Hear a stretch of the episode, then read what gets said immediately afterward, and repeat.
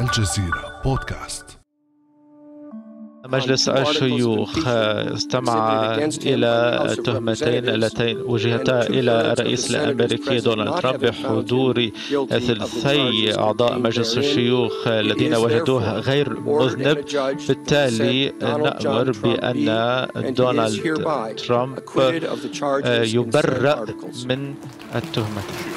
كان هذا جون روبرتس رئيس المحكمة العليا الأمريكية. في لقطة استعراضية وعلى وقع تصفيقات الحضور وضحكاتهم أمسك الرئيس الأمريكي دونالد ترامب صحيفة الواشنطن بوست. حركها بين يديه ثم بدأ بالحديث بشيء من التهكم. لم أفعل أي شيء خاطئ. لقد ارتكبت أخطاء في حياتي. أعترف بذلك. أخطاء غير مقصودة طبعا. لكن هذه هي النتيجة. قال الجملة الأخيرة وهو يرفع الصحيفة في وجه الحاضرين. مد يده بالصحيفة مخاطبا زوجته الواقفة أمام المنصة ميلانيا. بإمكانك أخذها إلى البيت حبيبتي.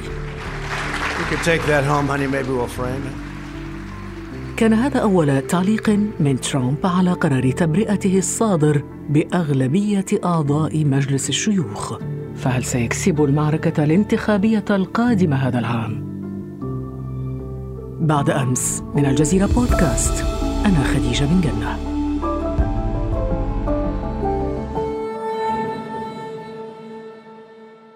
وضيف حلقتنا اليوم هو الدكتور محمد الشرقاوي الباحث الأول بمركز الجزيرة للدراسات. دكتور محمد أهلا بك. أهلا وسهلا. دكتور محمد هل يمكن أن نخبر بداية المستمعين بحكاية العزل؟ كيف وصل ترامب إلى هذه النتيجة ونفذ بجلده حتى قبل توجيه الاتهام. أولا لن تكتمل ابتسامة ترامب وكأنه فاز أو تغلب على خصومه في الكونغرس. لاحظنا أن المحاكمة بدأت قانونيا في مجلس النواب عندما تم الإجماع على أنه ينبغي مساءلته فيما يتعلق بالتعامل مع أوكرانيا وأيضا الضغوط على الأوكرانيين للتحقيق مع ابن خصمه الديمقراطي جوزيف بايدن. لكن عندما شاهدنا مسار المرافعات داخل مجلس الشيوخ هذه المرة تحولت المحاكمة إلى مسار سياسي. وهنا أعتقد أنها لن تنتهي بحكم أنها تعود مجددا الآن إلى مجلس النواب وهناك أكثر من نائب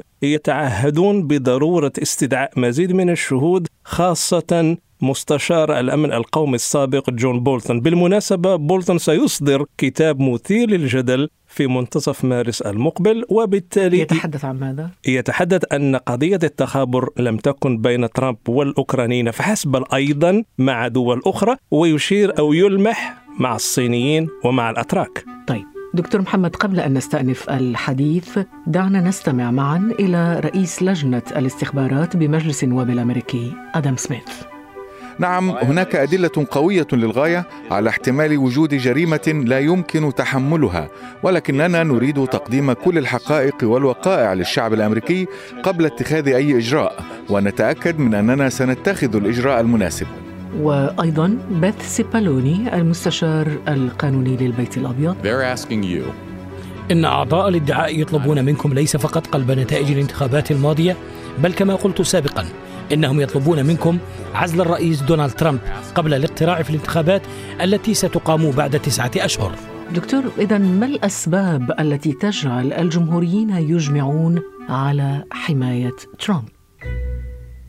بعد استراتيجي المحافظة على إجماع الحزب وللمرة الأولى يدخل سيناتور جمهوري كتب التاريخ وهذه لم تحدث ابدا في كل المحاكمات السابقة سواء لكلينتون أو لنيكسون أو لجونسون. بمعنى المحاكمة في الكونغرس الآن ظهر فيها السيناتور عن ولاية أوتا ميت رومني وهو من يصنع التاريخ بأن صوت مع الديمقراطيين ومع المستقلين ضد ترامب. إذا هذا تحول لن يذهب بعيدا عن محنة وهو الجمهوري.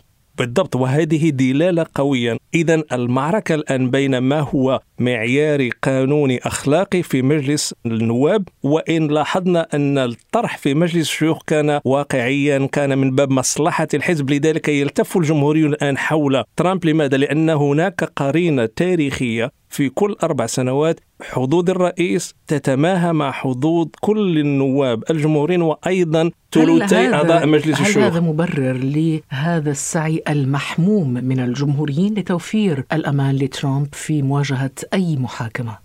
هناك مزيج من عنصرين أو قضيتين هناك ضرورة الإجماع الجمهوري بين كل أعضاء الحزب على المضي قدما لفوز بانتخابات 2020 على مستوى البيت الأبيض على مستوى الكونغرس وأيضا على مستوى حكام الولايات. لكن هناك مسألة جديدة الآن تظهر مع طريقة حكم ترامب.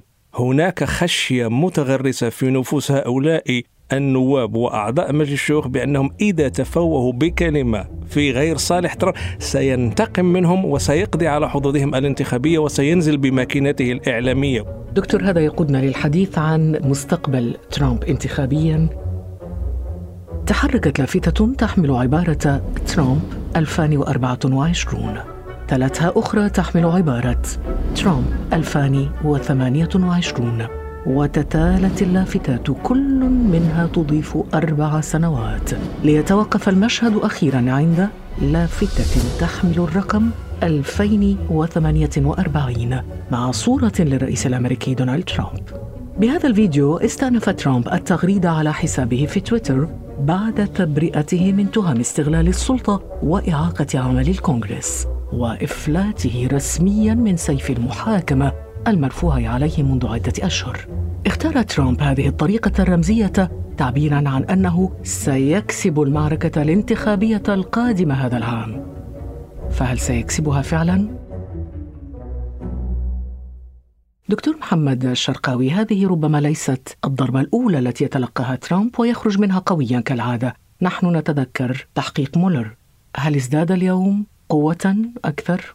دعيني أعلق على قضية اللافتات وهي مثيرة لأنها تعكس السيكولوجية العامة داخل البيت الأبيض بين هؤلاء الترامبيين المؤمنين بأن ترامب هو رجل المرحلة. وعندما يلوحون بلافتة سيستمر فيها ترامب في الرئاسة حتى 2048 هم كمن يتحدثون عن صناعة الإمبراطور الروماني الأمريكي ولم يحدث في تاريخ أمريكا منذ قيامها أن تبنى الأمريكيون مفهوم لا الملك ولا الإمبراطور. فهو نوع من الذين يريدون أن يتجاوزوا الدستور ويعتقد أنه سيدهم إذا هذا ما مردود عليه الآن. القضية الآن كما طرحته هو أن تحقيق مولر يتوازى مع تحقيقين آخرين واحد في مجلس الشيوخ والآخر في مجلس النواب. وهذه التحقيقات ستستمر الآن في التفتيش والتنقيب عن كل صغيرة وكبيرة. وأعتقد أن المفارقة الغريبة الآن أنه وإن لوح الترامبيون والجمهوريون بأنه فاز بجلده أو نفذ بجلده لكنه جريح إلى حد ما من الناحية السياسية. وأكبر مؤشر على هذا وان بعض المحافظين وبعض حتى بعض المتدينين من الجماعات الأنجيلية أصبحوا يعيدون النظر لأن هذا اللغط وهذا السجال ليس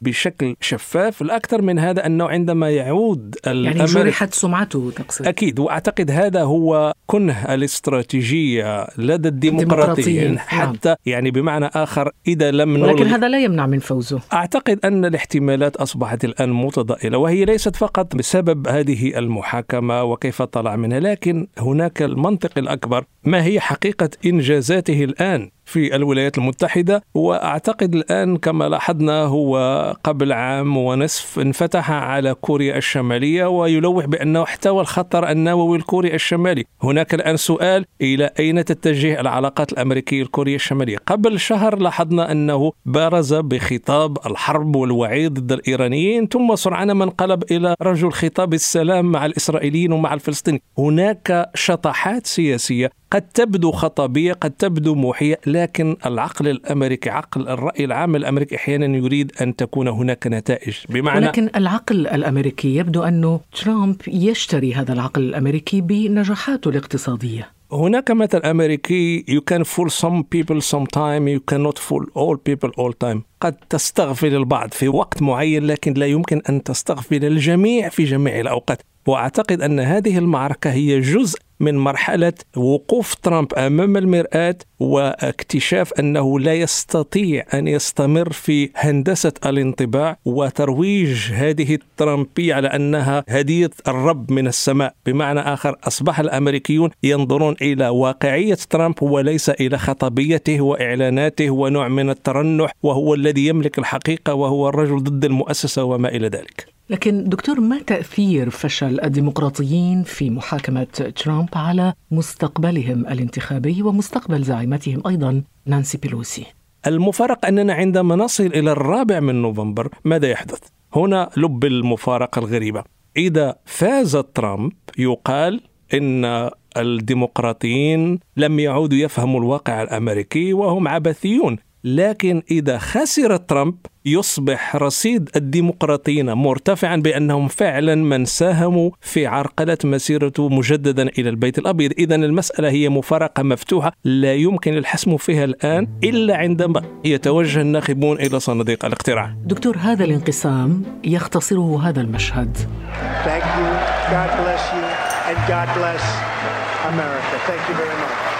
على وقع تصفيق أعضاء الكونغرس الجمهوريين وهتافهم للرئيس ترامب مزقت رئيسة مجلس النواب الأمريكي نانسي بيلوسي نسخة ورقية من خطاب الرئيس عن حالة الاتحاد بعد أن بقيت يدها ممدودة باتجاه الرئيس لثوان دون أن يصافحها. خلا خطاب بيلوسي من أي بادرة مجاملة؟ تجاه الرئيس الأمريكي واكتفت بالقول مخاطبة أعضاء المجلسين الذين انتظموا في جلسة مشتركة لسماع خطاب الرئيس السنوي عن حالة الاتحاد اعضاء الكونغرس إليكم رئيس الولايات المتحدة Members of Congress, the President of the United States. غلبة التشنج على اللقاء أشرت إلى وصول حالة الانقسام بين الديمقراطيين والجمهوريين مستوى غير مسبوق. دكتور محمد شرقاوي أظهر التصويت على توجيه الاتهام انقساما حادا بين الجمهوريين والديمقراطيين ما انعكس على القضايا السياسية الداخلية والخارجية برأيك هل يمكن للديمقراطيين إعاقة مشاريع الرئيس ترامب الداخلية والخارجية؟ أولا منذ قيام أمريكا عام 1776 كان دائما خطاب حالة الاتحاد هو اللحظة التي يرقى فيها الحزبان الديمقراطي والجمهوري وأيضا الرئاسة إلى ما يمكن أن يعتبر المساهمة الأمريكية في الديمقراطية الغربية. ما لاحظناه في هذا المشهد أن المعركة لم تعد فقط حزبية بين ديمقراطيين وجمهوريين بقدر ما أصبحت معركة شخصية. وأعتقد أن ترامب بطريقته التي تعتمد التقزيم وأحيانا يستخف ببعض السياسيين بطريقة شخصية أوصلت إلى هذا لأن نانسي بيلوسي كل ما فعلت انتظرته إلى نهاية إلقاء الخطاب وفي اللحظة الذهبية أمام تصفيق الأعضاء ماذا تفعل؟ تمزق هذا الخطاب. لكن ربما استعملت نفس أسلوب ترامب عندما وصفت الخطاب بالقدر. هو بمثابة من حصد ما غرس من قبل. فالمسألة فيها نوع من العداء الشخصي فيها أيضا نوع من اللحظة التي تستغل على مستوى الكاميرات وأعتقد هذه الرمزية بمعنى أن هناك الآن اليسار الأمريكي يشد على يد نانسي بيلوسي أنها تستطيع أن تلجم هذا الرئيس. لكن اليمينيون يعتقدون أنه الرجل الذي يستحق كل احترام الأمريكيين وكل العالم بل هو نبي السياسة. نعم ولكن دكتور تبدو كانه السياسة أقوى من القانون في أمريكا اليوم.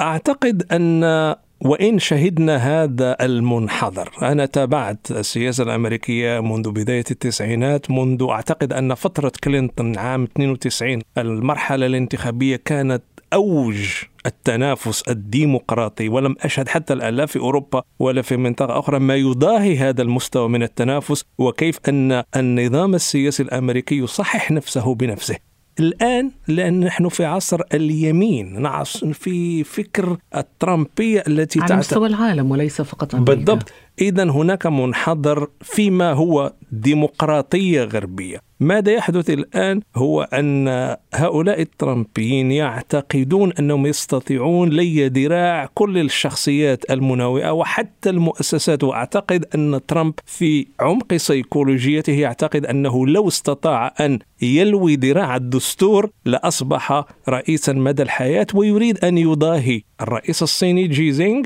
يضاهي أيضا الرئيس الروسي. فلاديمير بوتين وأيضا الرئيس اختلاف رغم طبيعة الأنظمة السياسية نعود إلى نقطة اليمين اليمين حتى في تركيا يعني نلاحظ الآن أن عندنا شخصيات سياسية قوية تريد أن تظل في الرئاسة إلى 2029 وربما ترامب نعم. يحلم إلى 2048 لكن دكتور هل تعتقد أنه ثقة الجمهور الأمريكي في النظام السياسي الأمريكي قد تهتز جراء كل هذا؟ أعتقد أن هناك مدرستين في التفكير، هناك مدرسة تقول إنه كان ينبغي أن يحاكم الرئيس ترامب وتم ذلك حسب القواعد الدستورية بأنه وإن ناور مرارا وتكرارا منذ أكثر من عام إلا أنه وقع في القفص وحوكم بغض النظر عن تبرئته لأن هذا جرح سياسي سيبقى معه، لكن المدرسة المقابلة هي التي تريد الآن أن يصبح البعد الترامبي بتجاوز القانون وبتجاوز الدستور وهنا سوف أعتقد كما يقول المثل العربي إذا الشيء زاد عن حده انقلب إلى ضده. بمعنى آخر أن الأمريكان حتى اليمينيين وحتى الجمهوريين والمحافظين الجدد أحيانا ما يقولون قد نتساهل مع ما هو حزبي لكن لا يمكن التفريط بما هو دستوري. وأعتقد أن الثقافة السياسية المتغرسة في قلوب وأذهان الأمريكيين أن لدينا أفضل دستور في العالم. إذا روح الدستور الآن هي على المحك بين من يريد أن يتلاعب بها داخل البيت الأبيض ومن يريد أن يحميها. نضيف عنصر مهم أن أفضل ما قدمه ترامب إلى الأمريكيين في السنوات الثلاث الماضية دفع إلى صحوة ذهبية لوسائل الإعلام. من السي إن إن إلى نيويورك تايمز إلى الواشنطن بوست. هناك الآن المجال العام أو ال public sphere منتعش وأعتقد أن هناك عصر ذهبي. من حيث هذه النقاشات إذا أعتقد أن المرحلة الحساسة أو المرحلة الاستراتيجية بين الديمقراطيين والجمهوريين هي المسافة ما بين انعقاد المؤتمر القومي للحزب والثالث من نوفمبر. هناك سنشهد بعض المفارقات القاعات سواء على مستوى نتائج التحقيقات وأيضا هناك ملف لم يفتح حتى الآن. suspense معلق. معلق وإذا اجتمع ما يقدمه بعض رجال الاستخبارات من ملفات سرية مع بعض الجمهوريين مثل ميت رومني والبقية الذين هم صامتون الآن علاوة على الإجماع الديمقراطي أعتقد سيجد ترامب نفسه في الزاوية. ما بين أغسطس ونوفمبر. وهذا يعزز الأسئلة التي ستبقى مطروحة عن مستقبل ترامب الانتخابي وأخرى عن ثقة المواطن الأمريكي في النظام السياسي الأمريكي برمته. شكرا جزيلا لك دكتور محمد الشرقاوي. كان هذا بعد أمس.